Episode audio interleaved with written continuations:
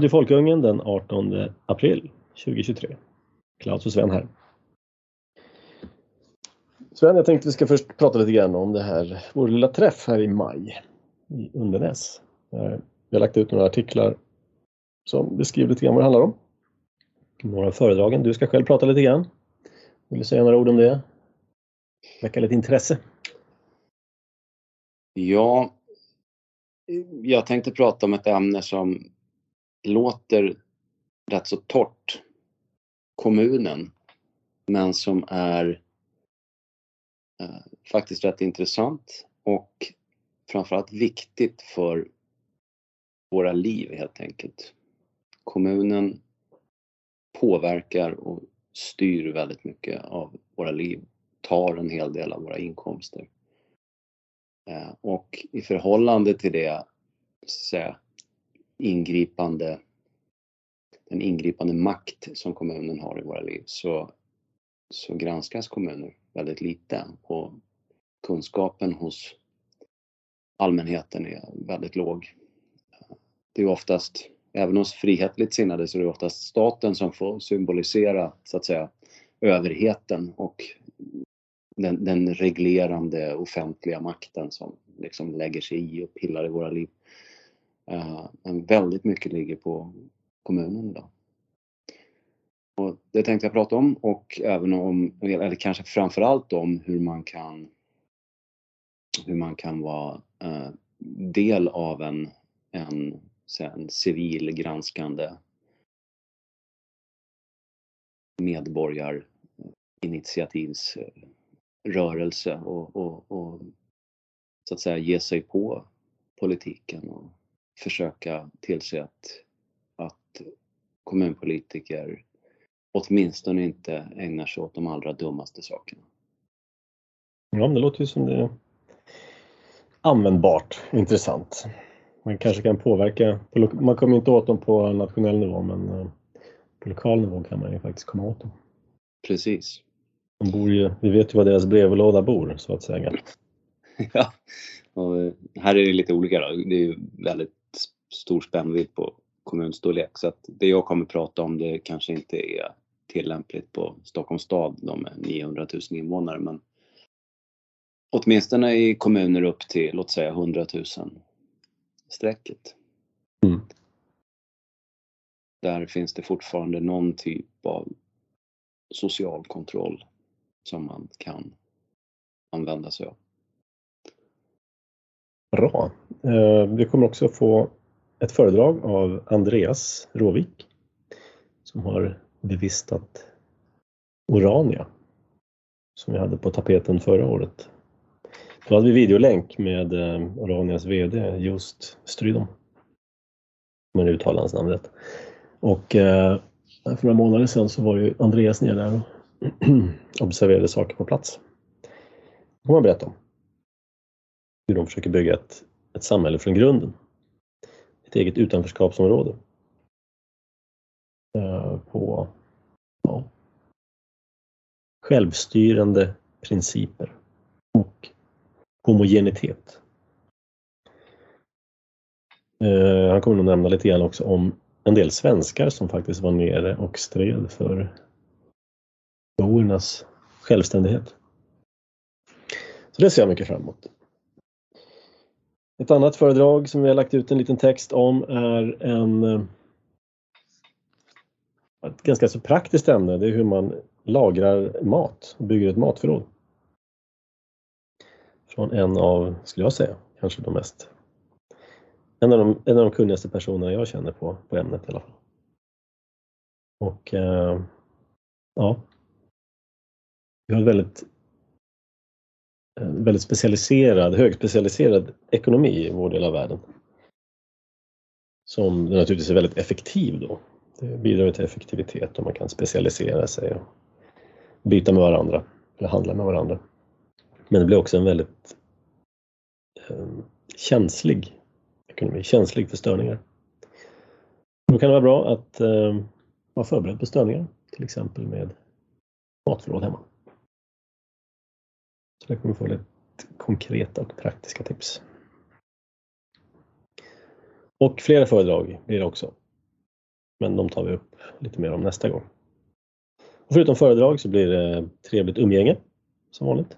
Sitta och ljuga på kväll, till sent på kvällarna och umgås med likasinnade. Så det ser jag mycket fram emot. 26 till 28 maj. In på Folkungens hemsida och anmäl dig. Mm. Det var det om det. Eh, jag såg en rolig grej här som damp ner i flödet idag. Vi har pratat om det här med demokrativillkor. Mm. Det är ett sånt där fint verktyg som man kan tillämpa på sånt man inte gillar. Du är inte demokratisk, alltså får du inte hyra lokaler, någonting sånt. Inga pengar eller vad det nu är. Och det här var en väldigt eh, intressant tillämpning av det. Då. Det gäller den här långbänken om Sverigedemokraternas vara eller inte vara på Nobelfesten. Och då hade Sverigedemokraterna i Stockholm föreslagit att man skulle ändra reglerna för uthyrning av Blåhallen. Men CD ville sig inte. Och här tänkte jag du kan få kommentera det. Du, som Ja. du, är, du är Folkungens expert på demokrativillkor.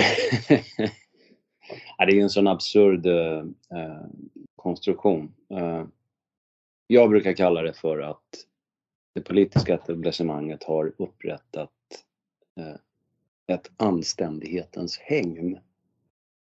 Och eh, man ska bara ha fulla rättigheter som medborgare helt enkelt om man befinner sig innanför det hägnet. Och vi som står utanför då ska inte, inte tro att vi kan göra anspråk på att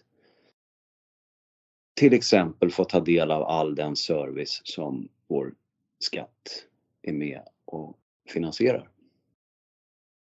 Och eh, det här manifesterar sig då eh, i ett antal regler.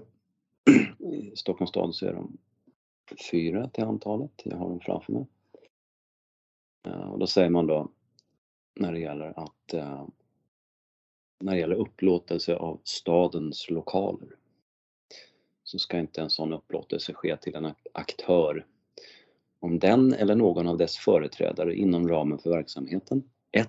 Utövar våld, tvång eller hot eller på annat otillbörligt sätt kränker den enskildes grundläggande fri och rättigheter. 2. Diskriminerar eller på annat sätt bryter mot principen om alla människors lika värde. 3. Rättfärdigar, främjar eller uppmanar till sådana ageranden som anges i 1 eller 2. Eller 4. Motarbetar det demokratiska styrelseskicket. Ehm, jag har själv råkat ut för det här när jag försökte för mitt partis räkning. eh, Eller fel, det var inte jag som försökte hyra, det var en annan person. Men eh, jag blev inblandad kan vi säga. Försökte hyra en lokal i södra, söderförort i Stockholm. Ehm, det finns några, några saker med det här då som jag tycker att man bör, bör tänka på. Och det är att eh, det är liksom omvänd bevisbörda som gäller här. Eh, i, I tingsrätten så är man ju oskyldig tills motsatsen har bevisats. Men eh, när det gäller demokrativillkoren så när Stockholms stad i det här fallet då säger någonting om, om en aktör eh, så, så gäller inte det utan de kan säga att ni uppfyller inte demokrativillkoren. Ni får inte hyra av oss. Och då frågar då till exempel jag, jaha, varför eh, gör vi inte det? Vad i vårt beteende är det som, som eh, anses vara fel, fel enligt de här villkoren? Och vilket av de här vill, fyra villkoren är det som vi bryter mot? Och hur motiverar ni det? Eh, något sånt får man inte. Eh, och det betyder ju också att eh, det betyder ju dels, dels är ju det moraliskt eh, förkastligt att bete sig så från det allmännas sida mot, mot enskilda. Och dels är det ju också så att om man har för avsikt att samhället ska bli bättre i det här konstiga perspektivet man har då, så måste ju de man nekar få veta på vilket sätt de felar så att de kan bättra sig. Men jag kan ju inte bli en godare demokrat om jag inte vet om det är just det villkoret av de här fyra som, som, som jag anses bryta mot. Uh, det är ju märkligt. Det... Målet måste ju ändå vara att göra undersåtarna till goda demokrater. Och om de inte får veta hur de ska göra så famlar vi i mörkret. Ja, åtminstone om, om nu demokrati som vi känner den i, liksom, i sosse-Sverige och, och, är så viktig så måste väl ändå, om man sätter den på en piedestal och gör den till något otroligt eh, starkt lysande som, som anses vara av största vikt för samhället. Eh, då måste det väl vara så att man har för avsikt att då få även de som inte är demokrater att bli demokratiska. Men det, det, är ju uppenbart att man inte har den, det är inte det motivet man har. Utan eh, man, vill, man, man vill ha ett inpinkat anständighetens hägn inom vilket man kan sko sig på vår bekostnad, leva på vår bekostnad, upprätthålla, behålla makten det här är ju uråldriga mekanismer. Liksom. Det är inte nytt på något sätt. Det är bara att, att uh, demokrativillkoren är ju så att säga det är den moderna formen av någonting som har funnits hela tiden. Mm. Människor flydde till USA därför att de inte fick utöva den kristendom som de ville praktisera. Uh, så, så, att det här är ju absolut inte nytt. Man brände folk på bålen tidigare för att de ägnade sig åt eh, vad vi idag tycker är självklar vetenskap. Mm. Ja. Finansborgarrådet Karin Vangård hänvisar till demokrativillkoret i stadens anvisningar för verksamheter i stadshuset. Citat. Det huvudsakliga syftet med demokrativillkoret är att förhindra att stadens lokaler upplåts till aktörer vars verksamheter inte är förenliga med samhällets grundläggande värderingar så som det formuleras i regeringsformen och i de internationella konventionerna om mänskliga rättigheter. Jag har full förståelse för att Nobelstiftelsen väljer att bjuda in gäster som delar deras grundläggande värderingar om alla människors lika värde. Även organisationer som erhåller stöd från samhället äger rätt att välja vilka partier de vill bjuda in och inte, skriver Karin Malmgård. Men, men hur kan ett parti uppbära då, alltså Sverigedemokraterna och det tycker jag är gott att folk där ute kan få veta. Sverigedemokraterna de tar emot långt över 100 miljoner kronor i skattepengar varje år. Det är partistöd, det är det som kallas för stöd till riksdagsgruppen eller något sånt där. Det, det, är bara en variant på partistöd. Det är rent semantiskt så har det ett annat namn. Uh, så att det är massor med människor som sitter i Sverigedemokraterna och blir, inte minst Jimmie Åkesson, sitter och blir rik nu och under lång tid på, eh, på skattebetalarnas bekostnad. Det är alltså inte en medlemsfinansierad eh, verksamhet på något sätt och vis. De är precis likadana som Socialdemokraterna eller Moderaterna i det här avseendet. Eh, och det är en relevant fråga i det sammanhanget. Hur i, hur i helvete kan det komma sig att det är okej okay att betala ut över 100 miljoner skattepengar till den här organisationen men det är inte okej okay att bjuda in dem på Nobelfesten.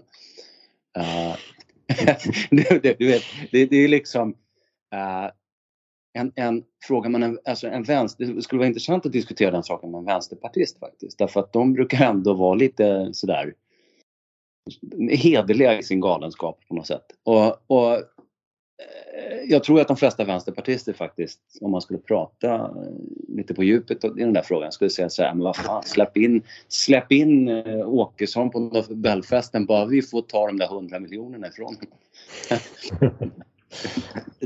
ja, ja, men det, det, det, är liksom, det är ju det småaktiga möter det, det, det, det idiotiska på något sätt i, i, i de här frågorna.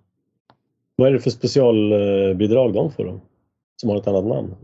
Är det inte samma för alla? Nej, alltså, du har ju eh, tre typer av partistöd i Sverige. Eh, sta, eh, ja, statligt partistöd, Och det är, den, det är den mindre delen i, i helheten, tvärt vad folk tror. Då. Sen har du regionerna ger partistöd och framförallt kommunerna, apropå vad vi pratade om i början här, föredrag och så vidare. Kommunerna ger en rackarns massa partistöd och en väldigt intressant aspekt av kommunerna är att de är grunden för den politiska strukturen i Sverige. Oavsett eh, alla de etablerade partierna eh, så, så, är det kommunen som är så att säga grunden för alltihop. Eh, men sen finns det då ett, ett eh, jag har glömt bort det exakta namnet, men det är stöd till riksdagsgrupperna och sånt där som också är en faslig massa miljoner. Eh, som bara är, ett, man kan säga att man har expanderat det statliga partistödet men man, man valde att kalla det något annat. Uh, och sammantaget så tror jag att riksdagspartierna inklusive vad de tar emot på region och kommunnivå, det rör sig om jag tror att det är runt 2 miljarder kronor. Ja, det är gott om eh, möjligheter att tjäna sin hacka. Ja, ja, ja. Alltså sossarna har ju bara... Eh, ja. Jag tror själv att sossarna har, har, har dykt under 50 000 medlemmar. De hävdar själv, tror jag, sist jag kollade saken så hävdade de att de var 65 000 medlemmar. Men det är ingenting. Jag, jag lyssnade på en, en, en podd här eh, kan jag faktiskt rekommendera. Eh, naturligtvis inte som Folkungen men eh, för att vara ändå rätt så etablissemangsnära personer så var det faktiskt rätt så bra. Det var Epoch Times här lite eh, nästan märkliga tidningen eh, som ägs av någon kinesisk dissident tror jag. Och finns eh, globalt inklusive då en svensk redaktion. De har startat en podd sedan tidigt i vintras med han kärnkraftsnissen Jan Blomberg och Lotta Gröning. Och jag har lyssnat på några, de har inte gjort så många avsnitt än, men jag har lyssnat på några stycken igår faktiskt och det var, en positiv överraskning faktiskt. Men där påpekades i alla fall att uh, Pingstkyrkan, jag, jag, kan inte, jag har inte kollat det här på sånt själv, men Pingstkyrkan har fler medlemmar än Socialdemokratiska arbetarpartiet. uh, ja. Apropå liksom eh, medlemsfinansierat, medlemsstyrt. Uh, ja.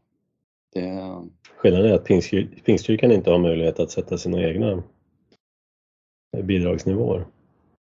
Nej, precis. Där var det faktiskt äh, ja, vi kanske får sätta punkt just i det här ämnet med det. Men det, det är lite intressant. I Trelleborg så där eh, fick fullmäktige smäll på fingrarna för att eh, kommunfullmäktiges ledamöter de Eh, anmälde inte jäv när de beslutade om eh, eh, arvoden till förtroendeuppdrag då i, i kommunpolitiken. Så att fullmäktigeledamöter fullmäktige ledamöter som hade förtroendeuppdrag som var med i den här listan av arvoden som man fattade beslut om, de var med och fattade beslut om, om det arvodet. Och det, det är då ett äh, delikatessjäv. Äh, ja. Det alltså, jag tänker på det så jag blev faktiskt väldigt sugen på att höra ditt föredrag här om, om den här om kommunerna just. Tänk om vi hade en armé av hyfsat intelligenta människor som rejält granskade sin egen kommun. Ja. Och allt de höll på med. Då skulle hela det här skiten falla. Ja, det skulle det. Ja. Det, det finns så mycket dynga att gräva i och så skriver man då lite insändare till lokalpressen då. För att sprida det här så kommer de snappa upp det och kanske göra någonting större av det om man har lite tur. Va? Ja, tyvärr så är ju lokalpressen ofta i någon mening ägd av eh, inklusive SVT och P4s uh, public service-versionerna. De är, de är ju... Ja, då får man sätta upp en egen hemsida eller Facebookgrupp eller någonting. Ja. Men kan, där kan jag ju bara, bara så att lyssnarna ska förstå då.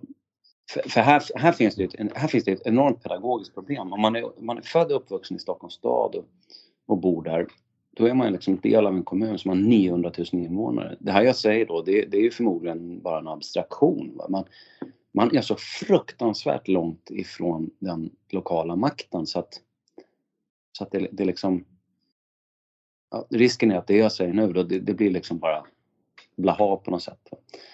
Uh, men, men i, de, i, de lite mindre kommunerna som inte alls är små. En, en kommun på, som min egen på 56 000 invånare, det, det är ingen liten kommun. En stor kommun. Alldeles för stor. Mm. Uh, och, och, i Västernorrlands län då, um, Sveriges Television är nästan organiserat efter län. Inte riktigt, men nästan. Det vill säga det är typiskt en redaktion per län. Um, så på SVT Västernorrland så är eh, en av journalisterna är, är gift med kommunalrådet i Timrå. Så att Slarken, praktiskt. Ja, ja, eller hur? Va? Och det värsta är att det är inte det enda exemplet på den redaktionen på intima kopplingar mellan sociopolitiker och journalister. Och, och det här accepteras bara. Och då, då, ska man också påminna om att vi, vi har ju en offentlighetsprincip i Sverige och den fungerar väl ändå rätt så väl. Den, den, är inte den är liksom inte heltäckande utan det finns ju en sekretesslagstiftning också men men den är ju bättre än i många andra länder i alla fall. Och Sveriges Television är inte en myndighet. Det är ett aktiebolag. Det är inte ett aktiebolag som ägs direkt av en del av det allmänna. Eh, det vill säga ett, ett kommunalt bolag omfattas ju som ja, en, en kommun som äger ett eh, bolag 100% ett renhållnings, det kommunala renhållningsbolaget till exempel. Det, det bolaget omfattas ju av offentlighetsprincipen. Uh, men... Alltså det går inte att gömma det i ett aktiebolag då? Nej, precis. Nej, utan det, då måste du under, uh, måste du under 50% i ägande. Uh, och men, men det gäller inte Sveriges Television därför att där har man ju då en, en stiftelse som, som äger Sveriges Television. Och sen så tecknar då staten avtal med det här aktiebolaget. Och det, det, det här avtalet är det man kallar Ja, vad fan kallar man det? Nu har jag glömt bort det. Ja, det är deras uppdrag liksom, tillhandahålla public service. Avtalet är att vi betalar för er verksamhet. Ja, och, och ni, gör, ni ger oss politiska tjänster i, i, i er medieproduktion sen. Mm. Ungefär som Facebook. Uh, men så att insynen på SVT, den är ju noll. Va? Det, är, det är en jättehemlig organisation i jämförelse med, med, uh, med uh, en kommun eller en region eller statlig myndighet.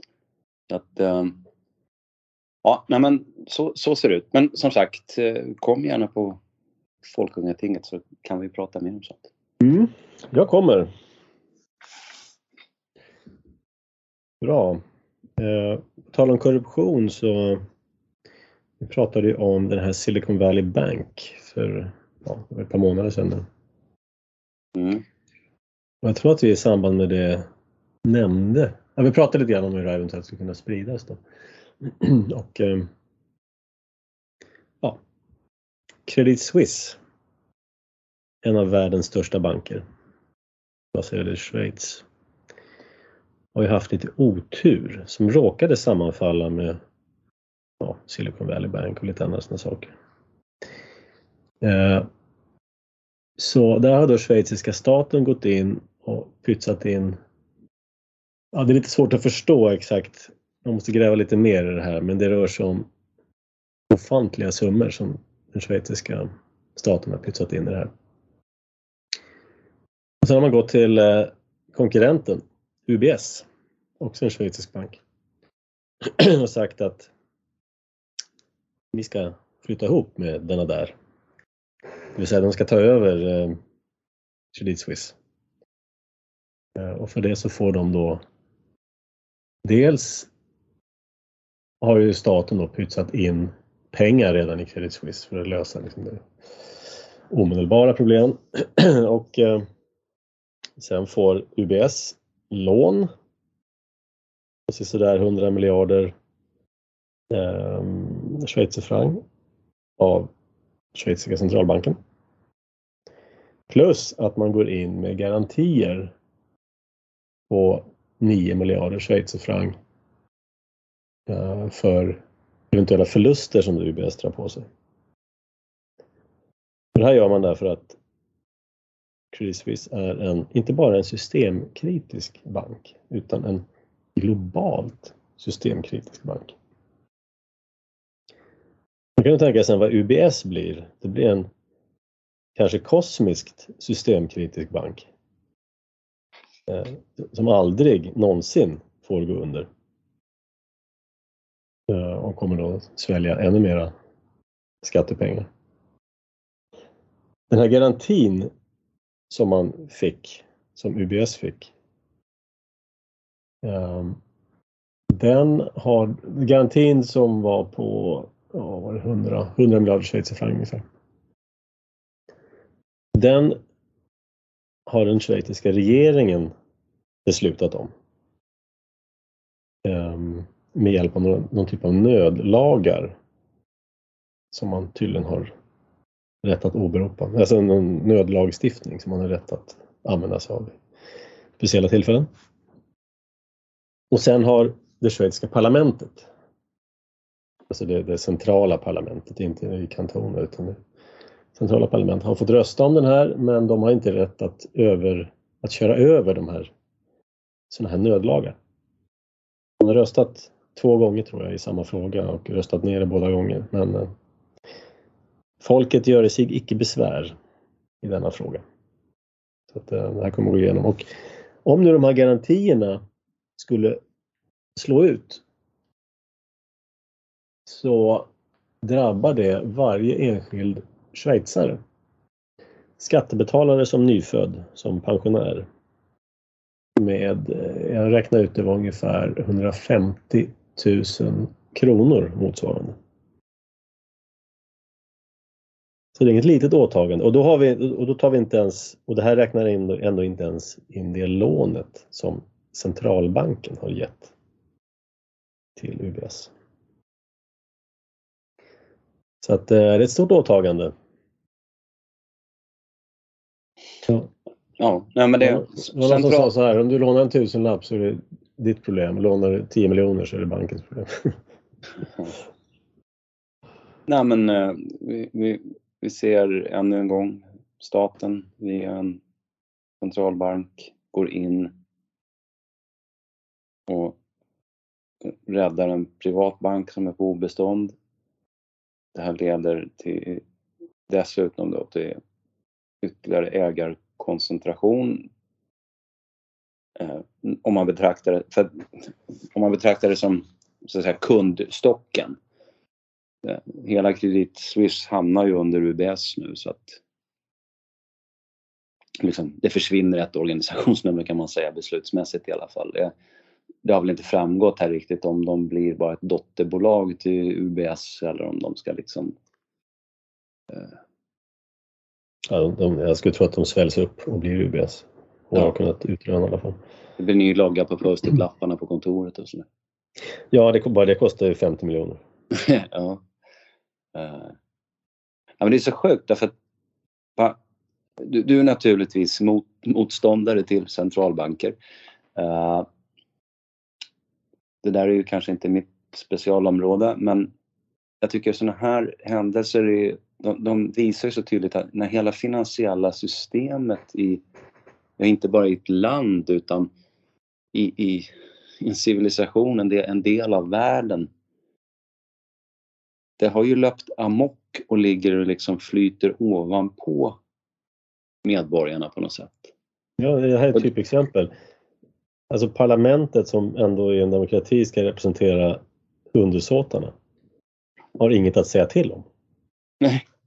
Och, och det sker i Schweiz som är då ändå, ändå som nog både du och jag brukar ibland peka på som föredöme eller åtminstone ett bättre exempel än vår egen så kallade demokrati. Eh, där har man ju åtminstone rikligt med folkomröstningar och beslutande sådana och så vidare. Men, men till och med där så kan liksom den här finanseliten gå hand i hand med, med, med det allmänna och, och, och, och, bara köra över folkvilja och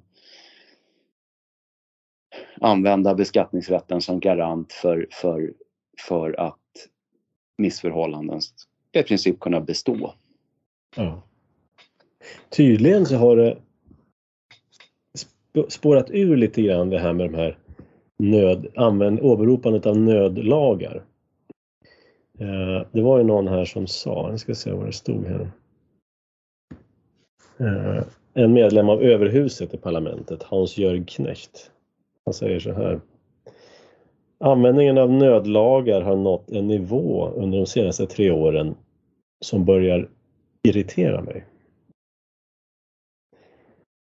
Eh, och är det så att du ger någon makt att göra någonting så kommer ju den personen eller organisationen att använda sig av den makten.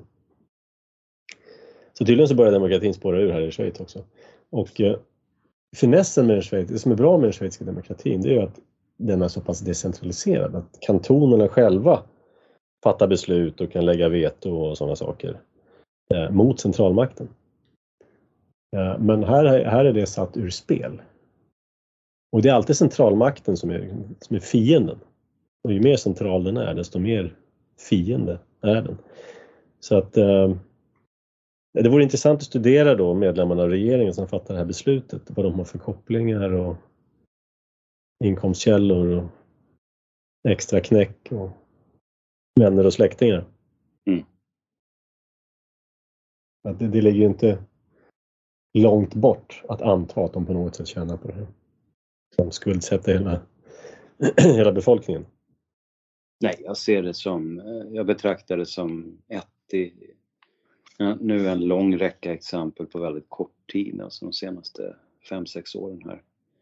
Eh, och alltihopa accelererades av coronahysteri dessutom. Ja. Och det fortsätter nu under, under eh, det rysk-ukrainska kriget.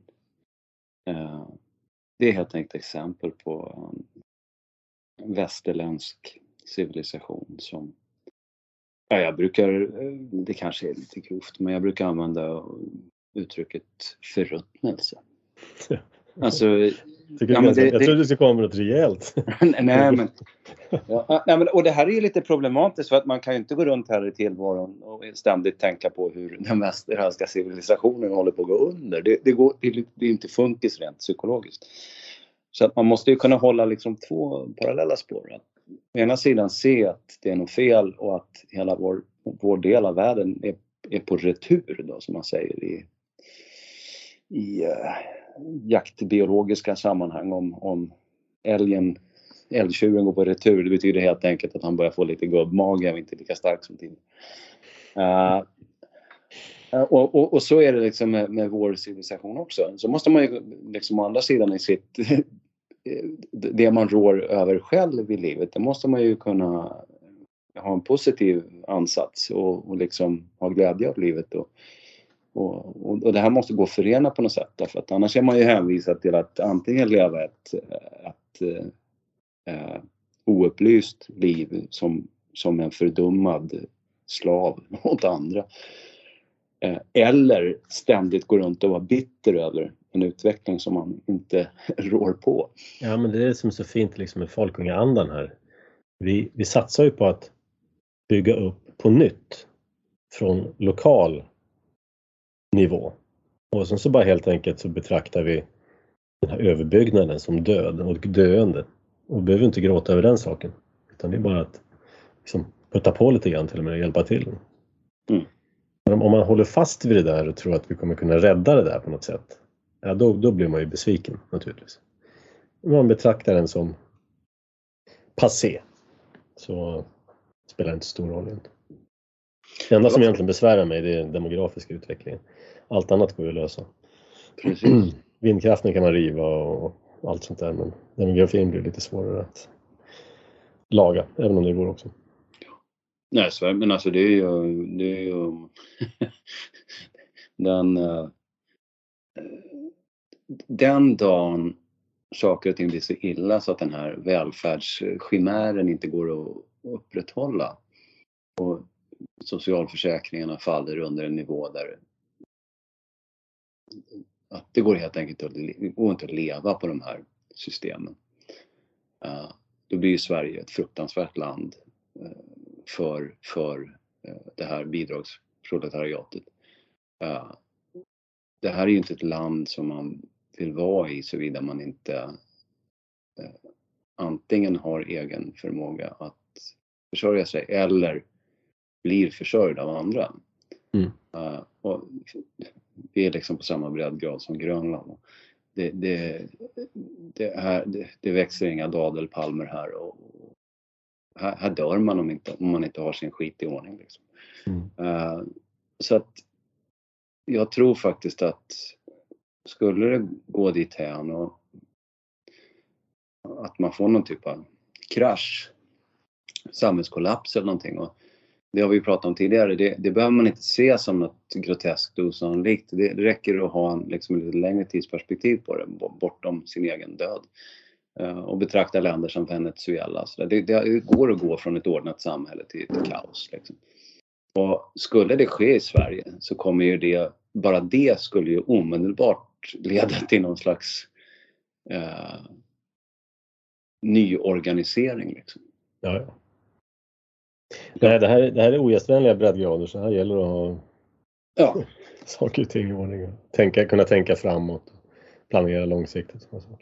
Det är kanske inte alla som är, har sinnelag eller intresse för det. Jag har lagt rabarber på ett bra citat ifrån en, en, eh, min, min, min frus svåger. Eh, som jag kanske har nämnt tidigare. Han sa angående, han har en militär bakgrund och han sa angående kriget här i, i Ryssland då när och det, och det var en diskussion då där man hävdade från många håll att ryssarna är odugliga och så vidare. Och då sa han så här, eller han skrev att eh, upplärningskurvan är brant i krig. Mm. Och uh, samma sak gäller ju eh, om man hamnar i liksom ett, ett, ett semipermanent tillstånd av verklig nöd. Då vill du ju liksom till, då kommer ju folk väldigt snabbt att börja ägna all sin energi åt till exempel livsmedel. Uh, det behöver inte betyda att man, man, man lyckas liksom väl. Det finns ju massor med kunskap som egentligen bara kan förvärvas genom att ta vara på det som ja, har ackumulerats över generationer. Men, men uh, man kommer lägga sin energi på livets väsentligheter på ett helt annat sätt än man gör idag. Mm. Jo, men jag ser fram emot det. Jag har ju länge längtat efter en rejäl kollaps. Inte för att jag vill se folk glida, men därför att uh, ja, jag tror att det, det skulle vara välgörande. läser man Bibeln, vilket jag gör, så dyker det ofta upp historier så här, okej okay, nu är folket så fruktansvärt ondskefulla och dåliga så att eh, nej, nu ska de få sitt straff. Så får någon profet eh, frågan, okej okay, vad vill du att jag ska göra? Ska jag svälta dem? Ska de få krig? Ska jag bli pest? Ah. Ja, kan vi köra lite svält den här gången? Okej, okay, det blir svält. Sen, sen brukar folket sträcka upp sig och så blir det ordning och reda i några generationer sen börjar om. Man kan ju vända på det också genom, jag menar, eh, all historia visar ju att när, när folk råkar ut för svåra motgångar då som har påförts dem utifrån och, och, och de förstår liksom att det här är bortom vår kontroll. Två självklara exempel är ju sjukdom respektive snabba klimatförändringar. Eh, riktiga klimatförändringar. Mm. Uh, liksom när fimbulvintern kommer då på grund, det kan ju vara på grund av vulkanutbrott på andra sidan jordklotet men vi visste ju inte våra förfäder. Mm. Uh, men, men då har man, då har man ställt sig frågan då utifrån sin religiösa uh, föreställningsvärld och tro, uh, vad har vi gjort för fel? Det vill säga man har, man har rannsakat sig själva då, man uppfattar det här som ett påfört straff. Mm. Uh, i, i, och, och, det där kan man ju då både skratta åt och, och ironisera över respektive betrakta som en liksom, svunnen historisk eh, mentalitet. Och, och, nu har vi då utvecklats så mycket och så vidare, bla bla bla.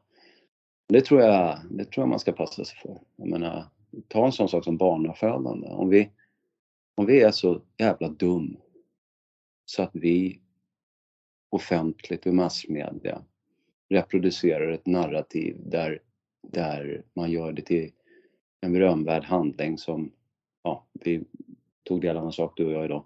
Eh, man gör det till en berömvärd handling att, att välja att inte skaffa barn. Mm.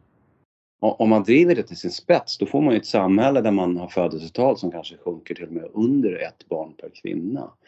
Befolkningsmängden kommer snabbt att minska och man kommer få en sån skevhet i, ja, i ålderspyramiden att man, man kommer få ekonomiska kriser som är fruktansvärda. Man kommer få liksom högst materiella negativa effekter av det här. Och då är det nog fan rimligt att rannsaka sig själva i en sån situation och ställa sig frågan, har vi gjort något fel här? Liksom? Och det blir väldigt tydligt då om man eh, bor i en ekonomi som, där de här institutionerna inte längre fungerar. Det vill säga att jag kan inte längre betala skatt och få vård. Det kan man ju knappt göra, man kan knappt betala för anständig åldringsvård i Sverige idag. I många fall. Eh, och bättre lär det inte bli. Och då återstår den naturliga ordningen. Det vill säga att man tar hand om sina barn när de är små och barnen tar hand om mig när jag är gammal. Ja. Eh, Och har man då inga barn så ja, kanske man får köpa sig en vård AI-robot eller någonting då, hos en åldersfest. Om det, det där är- sådana. Det, är ju självklarheter, det där kan man ju prata med vilken afrikan som helst om, va, som Ja, lever under knappa omständigheter på landsbygden i Kongo. Eh, men som, som, som liksom har en större förståelse för livets väsentligheter än vad många människor i, i, i socialförsäkringsmecka Sverige har. Mm. Det, det, det, är liksom, och, och då betraktar vi, det, ska man dra det till sin spets, då kan man ju nästan ställa frågan hur ska vi egentligen definiera intelligens? Är det att, prestera väl på någon jävla sudoku liksom, eller något annat pussel? Eller, eller är det att förstå och överleva? Liksom?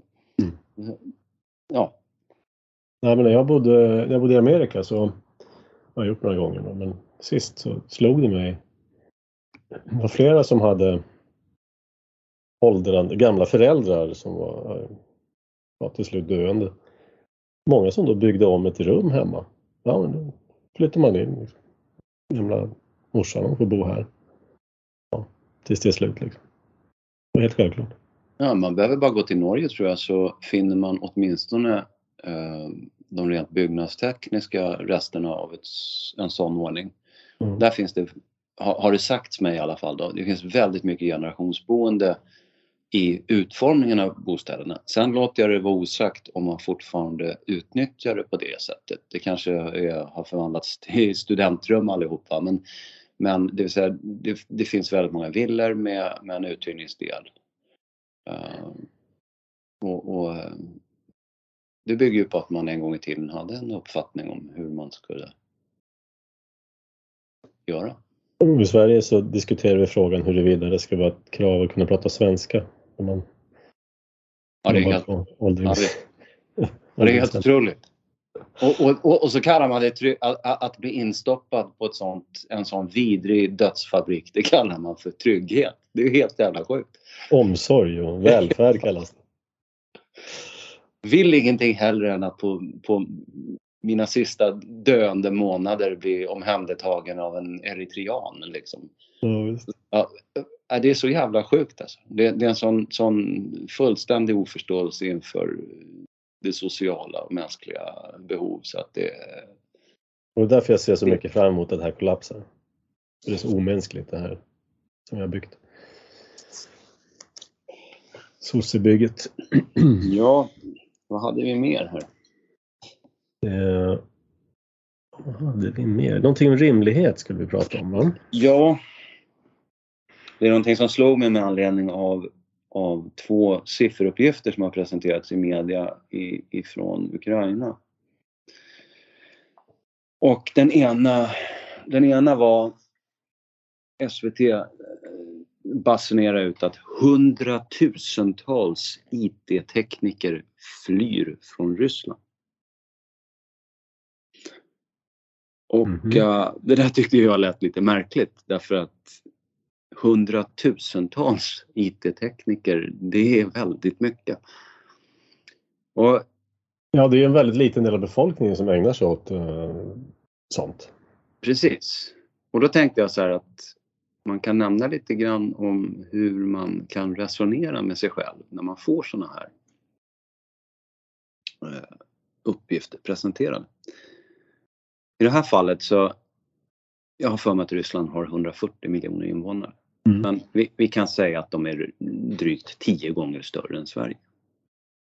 Så att vill man överföra hundratusentals till Sverige så är det rimligt att prata om ja, tiotusentals. Då. Och säger man tiotusentals IT-tekniker i Sverige som skulle fly Sverige. Så precis som du var inne på misstänker jag, så då skulle inte bara IT-tekniker fly. Utan de är ju en väldigt liten del av arbetsstyrkan. Sen kan det finnas egenskaper som rör just deras yrke som gör att de skulle ha en större benägenhet att bli mobila internationellt. Till exempel att de är kunniga i engelska språket eh, och att de har färdigheter som är gångbara även i andra länder. Men så rackarns stor brist på IT-tekniker vill jag nog påstå är det inte i, i eh, Västeuropa. Eh, men poängen är att då skulle vi ju se massa andra yrkesgrupper fly inom citationstecken. Eh, Ja, det skulle ju vara, eh, om det är nu en liten del av befolkningen, vilket jag vill påstå, så eh, skulle vi ju se kanske en halv miljon sjuksköterskor fly landet. Ja, eller åtminstone, eh, eller vi säger så här, där finns potentialen och sen så justerar vi för olika nivåer av engelska kunskaper och då faller kanske 70 procent av sjuksköterskorna bort.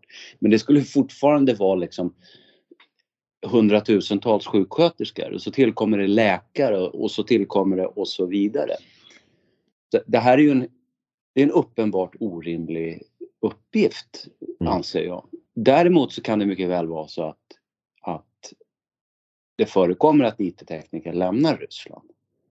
Det, det, tycker jag inte alls låter orimligt. De har, de har ju ändå en, en fördel yrkesmässigt. De har internationellt gångbara färdigheter helt enkelt. Betyder det här att vi ska ta emot eh, färdigutbildade raketingenjörer och IT-tekniker i Sverige nu eller? Ryska? Nej, för... Automatiskt permanent uppehållstillstånd och arbetstillstånd. Finnarna har börjat bygga stängslet, såg du det? Ja, just det. Just det. Ja, så det, det jag antar att utöver då och hålla björnar och, och, och vargar och rabiessmittade mårdhundar eh, ute från Finland så, så ska man väl hålla även ryska IT-tekniker instängda i, i, i, hos Putin då. Jag vet inte. Äh, det är bara sjukt. Det, det, andra exemplet det är det här att Ryssland sägs då kidnappa ukrainska barn. Och eh, här har det varit lite olika sifferuppgifter. Eh, men när jag hörde det här, då sa man 20 till 30 000 barn har förts till Ryssland. Och det här tycker jag är riktigt intressant faktiskt. För att, eh, de flesta har väl som lyssnar en, en, åtminstone en diffus bild av hur frontlinjen har gått i östra Ukraina. Och eh, man kan ju då konstatera att det är långt ifrån hela Ukraina som är, är eller har varit ockuperat av Ryssland. Eh, det är en mindre del helt enkelt. Ukraina hade eh, före kriget, tror jag, dryga 40 miljoner invånare. Eh, så att de här områdena som är nu eller har varit eh, någon tidpunkt under kriget ockuperade av ryssarna, det, de kan inte omfatta speciellt eh, många miljoner invånare. Om det ens räknas i miljoner. Och om man då har en sifferuppgift på 20 till 30 000 barn. Då tänker jag så här. På den lilla ytan. Och om de här 20-30 000 barnen har tagits då från sina föräldrar då borde vi se massdemonstrationer. Det, det motsvarar 40 till 60 000 föräldrar då, som saknar sina barn. Ja, alltså det skulle, det skulle ha läckt ut tusentals filmer på folk som får sina barn beslagtagna. Ja, precis. Eh, precis. Och det skulle liksom vara dagarna i ända skulle det här visas på Ja, för det har ju ett enormt propagandavärde. Ja, visst. ja. Och det, det, det, det, det lägger jag... Eh, jag är den sista att skuldlägga en stridförande part i vilket krig som helst för att de ägnar sig åt propaganda i akt och mening att hålla att, att dels hålla moralen uppe hemma och dels söka stöd hos, hos omvärlden. Det är fullt naturligt i ett krig. Eh, så det är inte så mycket att säga om. Men man skulle, därför skulle man se just det du säger. Va? Det, skulle, ja, det skulle vara filmer, vittnesmål, alltså i en helt annan mängd än vad vi har presenterat. Uh, och, men då finns det ju då Ändå så vill jag påstå bevisligen så har det förts barn till Ryssland. För det, det är ju ryssarna själva öppna med. Och det är nu vi närmar oss det här liksom lite obehagliga knorren då på det här. Eller obehaglig men... Om det nu är så att barn inte i första hand har så att säga stulit från deras föräldrar och förts till Ryssland. Men det ändå finns barn som har förts till Ryssland. Då måste det helt enkelt vara barn från institutioner. Och betyder att när ryssarna har ryckt fram och ockuperat nya områden så har där funnits institutionaliserade barn. Som man alltså inte har evakuerat från den ukrainska sidan. Och det kan man ju, det kan ju ha skett för att man inte hann. Det kan man ju ha förståelse för. Men eh, det kan ju också ha skett för att man helt enkelt har en rätt tarvlig syn på barnhemsbarn. Och det är faktiskt någonting som vi matades med innan det här kriget. Ja, alltså det här är ju människor, det här är ju barn främst i de här Donbassområdet som Ukraina har beskjutit sedan 2014. Ja, och, och jag menar ju att, så att det här när, när, när, när massmedia har rapporterat om 20 30 000 stulna barn så är ju det i bästa fall så är det bara en, en, en ren lögn i så mått att siffrorna är gravt överdrivna. Men det kan också vara så illa att det finns en, en, en rätt grotesk sanning bakom det där men som är allt annat än smickrande för Ukraina. Och, ja, alltså, det kan ju vara evakueringar av barn som man brukar göra under krig. Ja precis. Som men det är lite märkligt. Länge då det är lite märkligt när angriparen kommer fram till barnhemmen och evakuerar barnhemsbarnen. Va? Då, då har man... Eh, jag, jag, hoppas ju att det inte är så, så att, att, att, det, att det rör sig om väldigt få barn. Att... att ja, men det, det, det, det är exempel på, till och med jag har läst, föräldrar som har då sen kunnat söka upp sina barn i Ryssland och återförenats med dem. Inte för att de har stulit utan för att de har evakuerats. Ja. Eh, men för det första, vad skulle vitsen vara att stjäla barn från Ukraina? Alltså, motiv. Man talar om motiv och möjlighet och det är tre saker. Va? Nej, men, det, det, är ju bara ett, det är ett sätt att, uh, att demonisera motståndaren då. Så att, att rent, rent uh, propagandamässigt. Uh, det är ett klassiskt knep. Ja, men det här var ju också basen, grunden för uh, den internationella efterlysningen av Vladimir. Den här, den här skojardomstolen, International Criminal Court. Ja. Det här var ju det som han anklagades för då. Så att man har säkert spunnit ihop den här historien lite lagom för att kunna göra det här också. Men, men jag, jag, jag förvånas ju inte över det egentligen som sagt. Det där har ju varit en del i alla krig då, i alla fall i alla moderna krig. Uh, men, men, men villigheten med vilken massmedia i väst och, och, och, och, kanske mest förvånande i Sverige hänger sig åt det här. Det är jag uppriktigt förvånad över.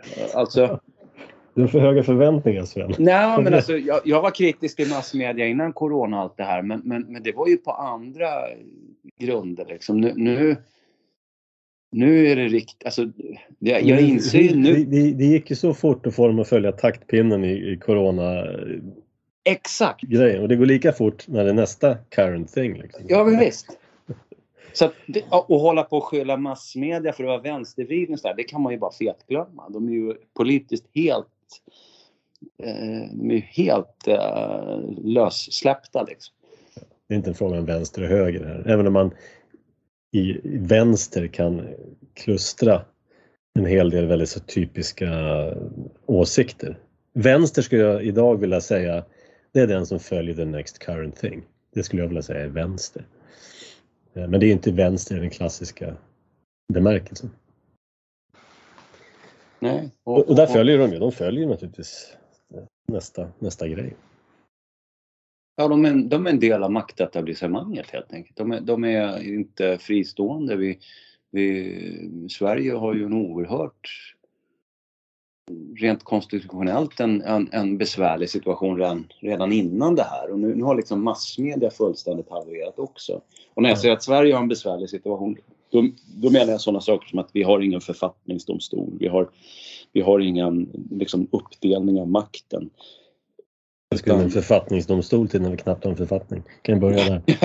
Nej, men det, ja, det är ju en rimlig invändning. Men, men vi har ju liksom inte ens någon tanke i, i, i vår konstitution. Alltså allt är politik i Sverige. Politikerna bestämmer allt. Det, det, det, varenda jävla, alltså domarna utses ju av politikerna.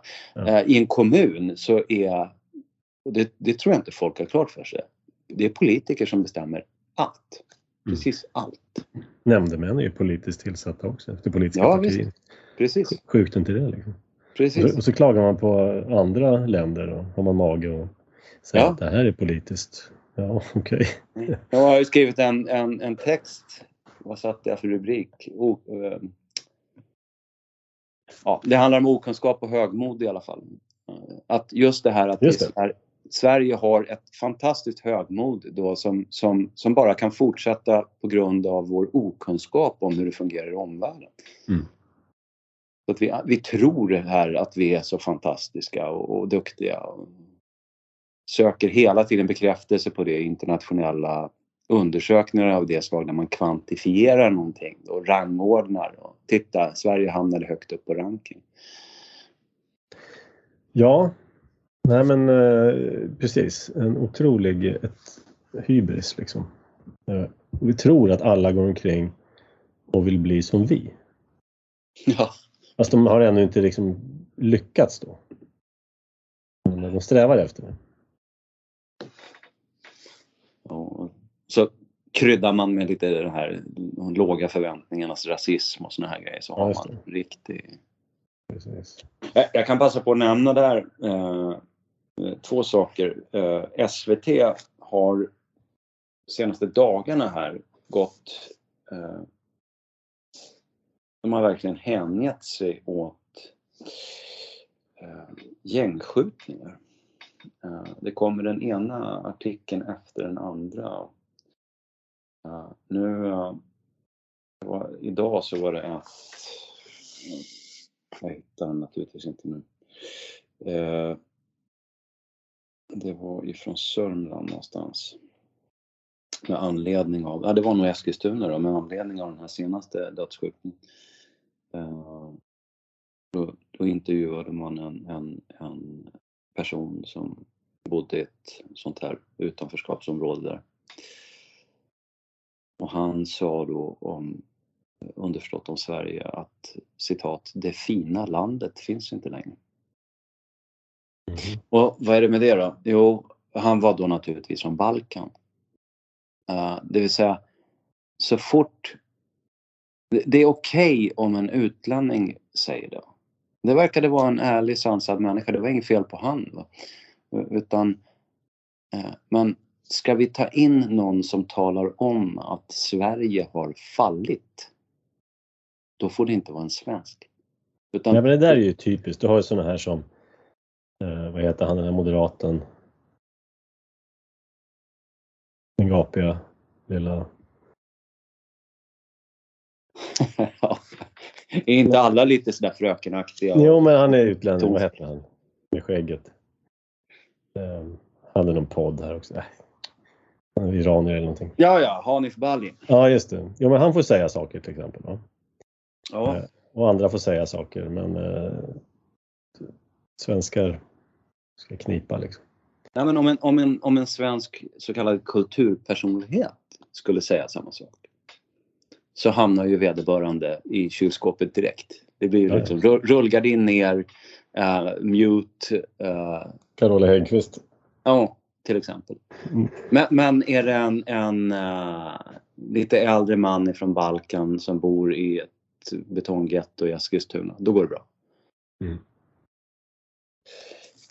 Ja, mm. det var det ena. Sen det andra som jag tycker är väldigt intressant, det är att uh, vad tusan gjorde jag det då? Det är så här att kriminalvården har, har vad heter det, djupdykt i vad Tidöavtalet, eh, om det implementeras fullt ut, vad det kommer få för eh, konsekvenser för den egna verksamheten. Ja, det är en riktig tillväxtbransch har jag förstått. Ja, precis. Och det, det, här är ju helt makalösa proportioner på det här. För då, då, här har vi det.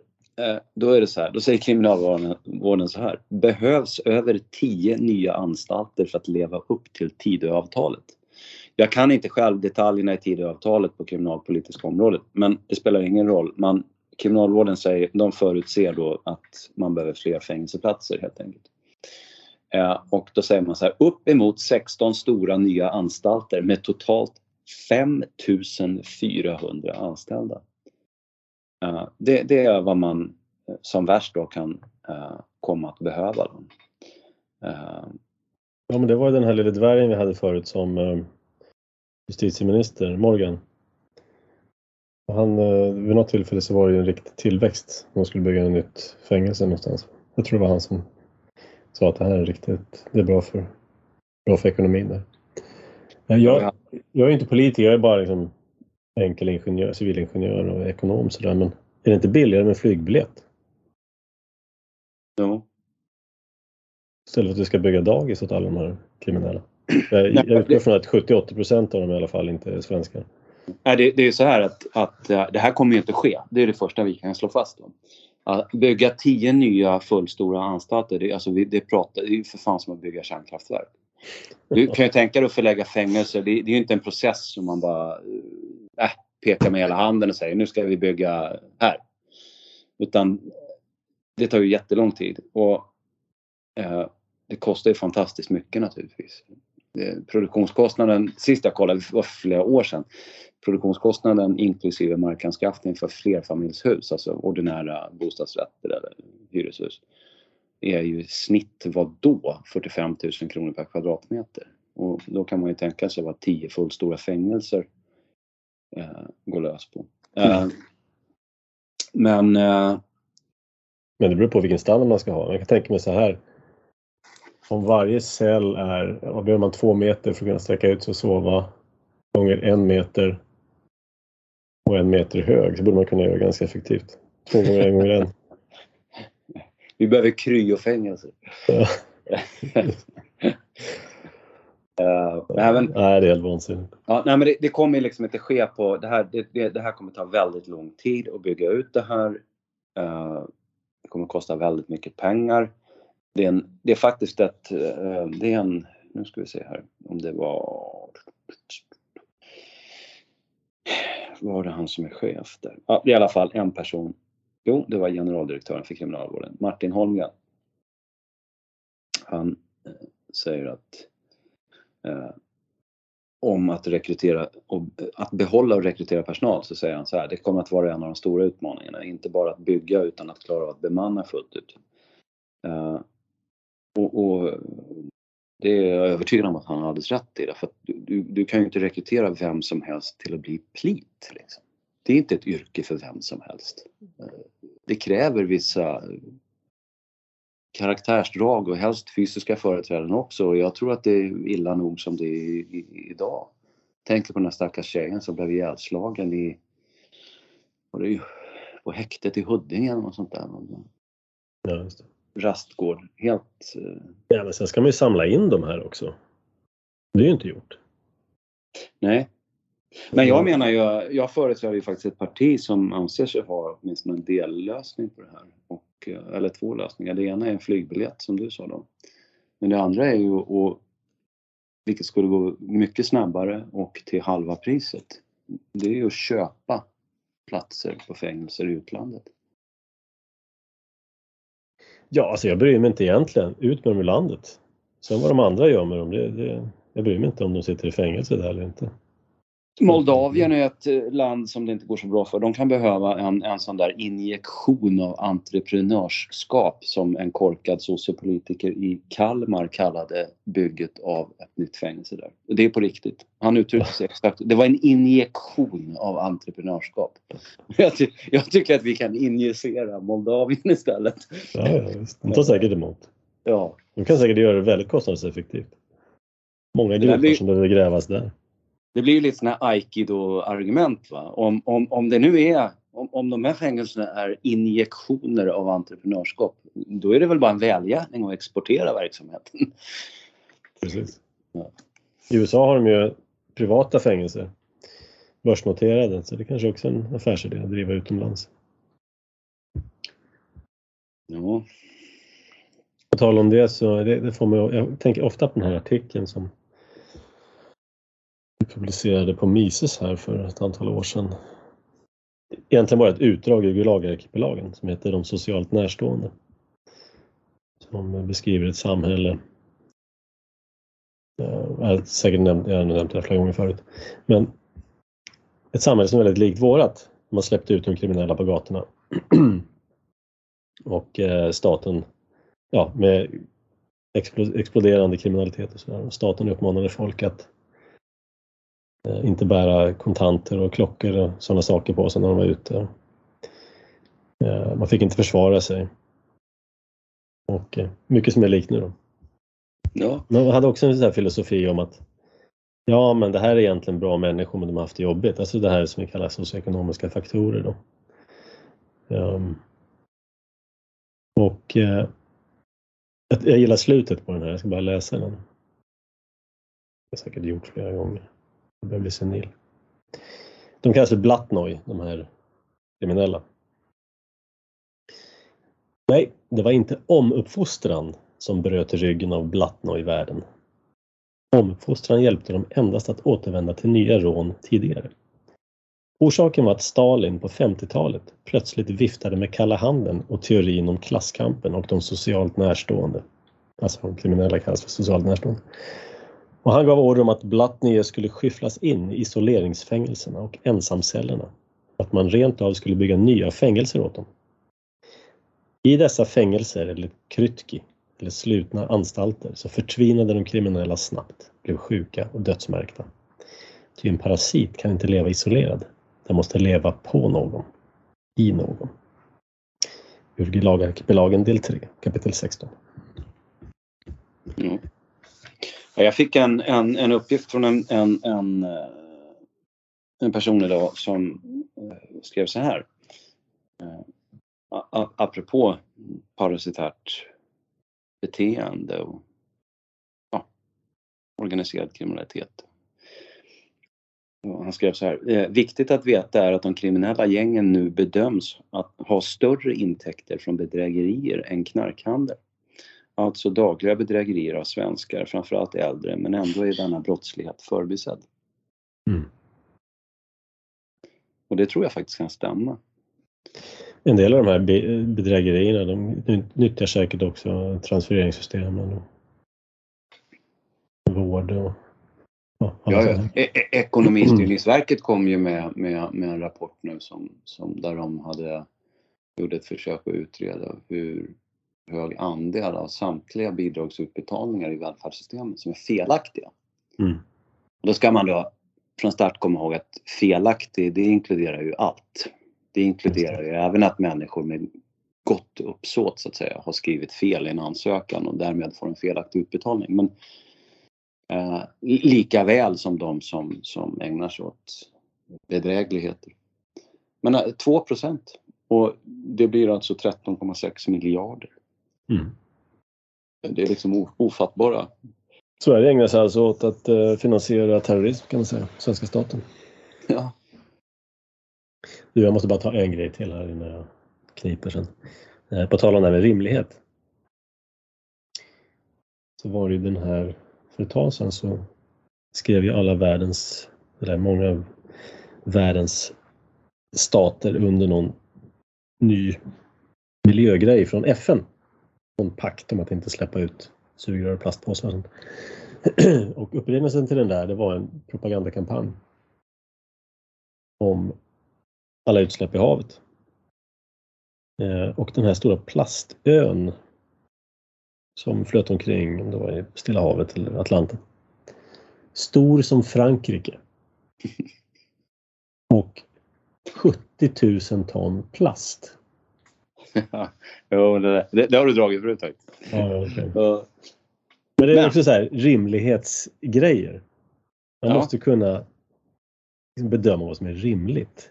Man måste kunna ha gymnasiematematik och Ja, ha man, måste, man, man måste kunna dividera helt enkelt. Ja, precis. Dela en storhet med en annan. Ja. Vad får man?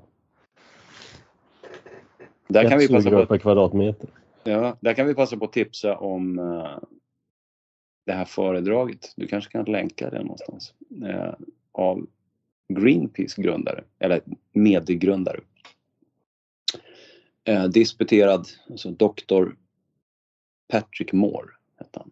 Just det. Och i vilket sammanhang han höll det här föredraget, det vet jag inte. Men det verkade vara någon lite finare tillställning, kanske någon middag. Men det var ett, som lyssnare var det ett väldigt bra arrangemang och synnerligen intressant anförande. Från en person som miljömässigt är oantastlig. Eh, han nämnde Ja, bland var annat med, han var med i grunda Greenpeace liksom. Vad mer kan man göra? Ja, precis. Och eh, han är inte alls eh, en varm anhängare av eh, dagens klimatfabler, kan vi säga. Han anförde mycket bra argument mot den hysteri som råder nu och han tog även det här med plast. Han avfärdade helt existensen av den där ön. Han, Ja, just det. påpekade även hur, hur, hur, hur, bilder från naturen används på rent propagandasätt. Så man, man tar en bild och så påstår man att någonting sker som faktiskt inte sker. Han tog också exempel som att varför flyttar krabborna in i en gammal plastmugg? Ja, det är bra, bra skydd liksom. ja, ja, precis. Det är inte så snyggt Ja. med plast i naturen, men, men man, ja. Nej men precis. Det, det, det där, är- men man måste ju skilja, man måste ju vara ärlig och skilja på vad som är en estetisk hänsyn och vad som är ett, så att säga, ett, ett undergångshot. Häller man ut kadmium i naturen så är det jävligt konkret. Det är skitgiftigt. Det finns ingen biologisk... Jag tror att det är en av de få tungmetaller som man aldrig har hittat en enda organism där den har en biologisk funktion. Mm. Eh, det är liksom den elaka kusinen till kvicksilvret. Eh, och, och sådana miljöproblem, de är påtagliga. De, de, de, de kan vara eh, fruktansvärda. Liksom. Men det här med, med plast är... Eh, det kan vara ett problem. Det kan vara ett miljöproblem delvis. Men, men det är inte den här undergångs... Det är inte så att du förgiftar naturen för all framtid och ja, så vidare. Eh, men mycket rekommenderas verkligen. ja, det är faktiskt ett, ett fantastiskt föredrag. Eh, Ja. Det är, sällan man, det är faktiskt sällan jag klarar av att lyssna i vad det nu var, en och en halv timme eller något sånt där. Eh, liksom koncentrerat hela tiden. Det här var, han, han var skicklig. Han eh, debunkar som det heter på svengelska. Många, många av de här grejerna. En annan grej som han gjorde det var att det finns en, det här med bilder som du nämnde. De tog en bild på en, på en, en pelikan eller vad för någonting. Och de har ju en kräva. Det vill säga en, en speciell hals där de normalt sett fyller med grus eller sand för att mala maten. Och då hade man då hittat eh, då hittar man att de har ibland plastbitar i krävan. Och det här skulle vara ett bevis på att ja, nu fåglarna dör av plasten. Liksom. Men han, han förklarar att de, de väljer de här stenarna eller plastbitarna mycket, mycket noggrant Mm till att fylla just den funktion som de behöver. Eh, och det ska vara speciell storlek och speciell liksom, grovhet och sådär för att det ska funka. Och de vet precis vad de gör. De har gjort det här i ja, tusentals år. Liksom. Uh, och så var det en bild då på en, en pelikan som låg där och var död. Och så liksom, så enorma plastbitar som de hade lagt till efteråt. Så inte en chans i världen att den här fågeln skulle stoppa ner i halsen. Liksom. Två decimeter långa plastgrejer. Liksom. Nej, det, det, är faktiskt... Eh, jag tror också han tog ett exempel med albatross. Uh, som då i en bild påstods mata sina ungar med plast. Men uh, det är alltså näbbar från bläckfiskar. De har ju... ja, det, ja, det var inte ens plast. Nu. Nej, och, och han sa då tror jag att en albatross är liksom inte dum i huvudet. Den skulle, skulle nu mata sin, försöka mata sina ungar liksom med, med, med plast. Som att du skulle skilja på en plastbit och en fisk. det, det, det, det, är så liksom knäppt. Men mottagarna av sådana här budskap är ju människor som lever urbana liv väldigt långt ifrån uh, de lever inte i miljön helt enkelt. Nej, men precis. De, de lever inte varken i, i naturlig natur eller i av människan starkt påverkad natur. Eh, det vill säga kulturlandskapet, jordbrukslandskapet. De lever inte nära någon typ av livsmedelsproduktion, varken industriell, modern sådan eller den egna täppan. Eh, de är liksom helt fjärmade ifrån allt som är ja, som har med med natur och liv att göra på något sätt. Det, det, det, det, det är de som är mottagare av sån där propaganda helt enkelt. Mm. Det finns en grupp eh, där den här Patrick Moore är med. Den heter CO2 Coalition. Och de har en hemsida. och då kan man titta då på ja, argument eller motargument mot de vanligaste påståendena. Alltså man vill bilda sig lite grann och kunna skjuta det här vansinnet i sank. Det är totalt vansinne. Nu har ju EU precis beslutat något nytt vansinne med några skatter och koldioxidhandel och sånt där. Men här kan man få läsa då om ja, motargument mot de här påståendena. Där är han engagerad. Mm. Rekommenderas. Det är gjort liksom i nästan ja, skolbarn kan förstå det här. Jag testade faktiskt det här på ett av mina syskonbarn. Han bara, va? Man fattar direkt. Så fernissan är tunn. Det går lätt att komma åt folk som är uppriktigt nyfikna. Mycket argument. Men, men, svaret är ju då eh, nu för tiden att eh, det har man ju effektivt implementerat då från från eh, massmedia och politik att är du expert eller? Så är det ju då underförstått då att, att det finns minsann experter på det här och du är inte en av dem. Ja, just det. Men, men det är ju samma... nu, nu läser jag lite expert, lite titlar här då va? PhD, PhD, ja, ja. MD, PhD, PhD, PhD, PhD, PhD, PhD. Uh, MS in Geology, Oceanography, Geology, Engineering. mm. Ja, det finns lite experter här.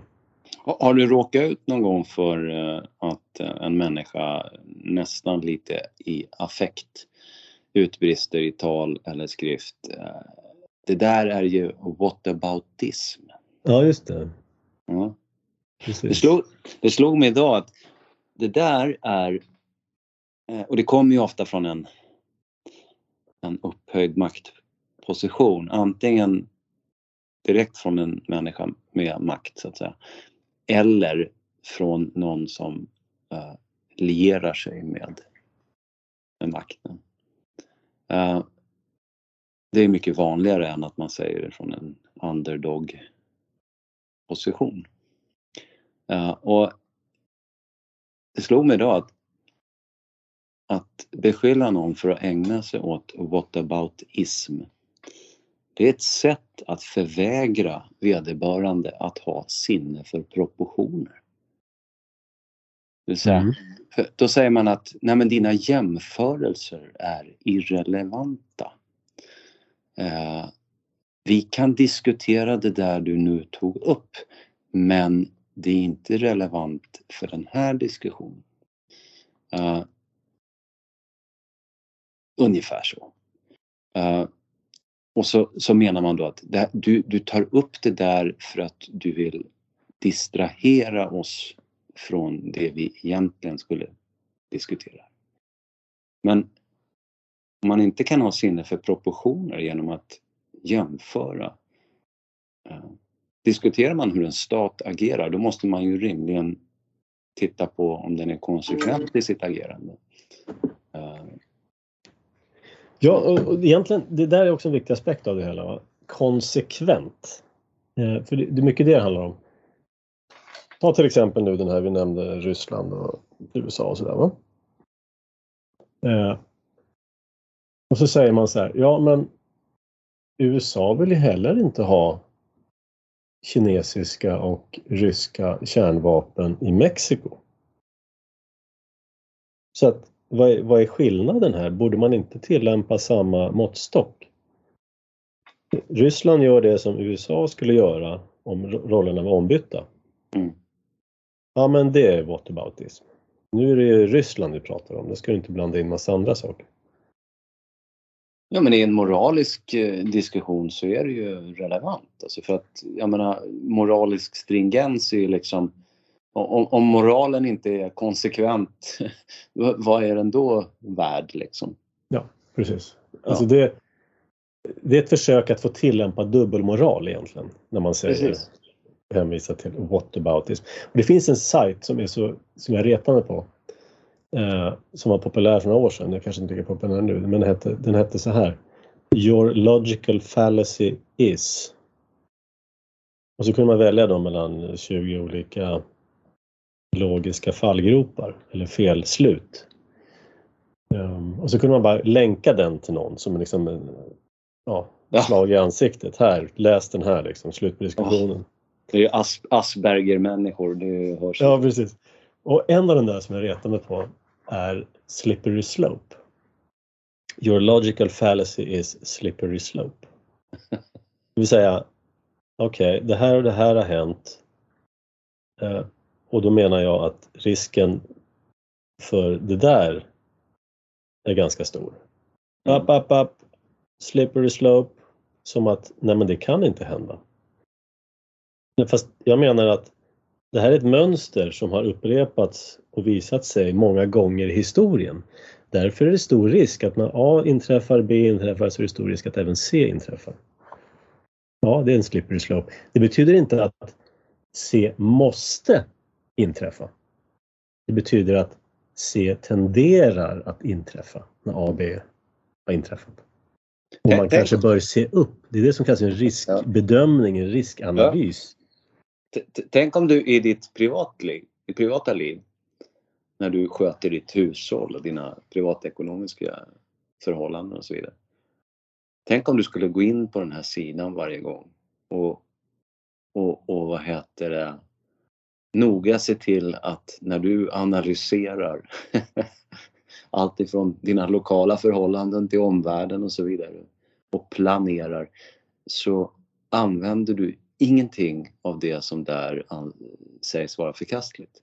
Hur mycket skulle det då finnas kvar? Hur, vilka, vilka analysinstrument skulle du ha kvar då? Du förvägras ha sinne för proportioner, du förvägras se mönster. Uh, förvägras vara moraliskt konsekvent. Ja, ja precis. Uh, man skulle bli utfattig tämligen omgående för, förmodligen. Ja. Nej, så är den aspiga världen vi lever i. Men ja. i alla fall påminner återigen om att eh, gå in på hemsidan och anmäl dig till eh, vår träff här i slutet på maj. Där pratar vi om sådana här saker och annat roligt och umgås och eh, lära varandra. Något slutord Sven eller är vi nöjda för idag? Ja, det blev ju mycket idag så att jag är nog nöjd. Mm. Bra. Vi kör på det så hörs vi snart igen. Ja.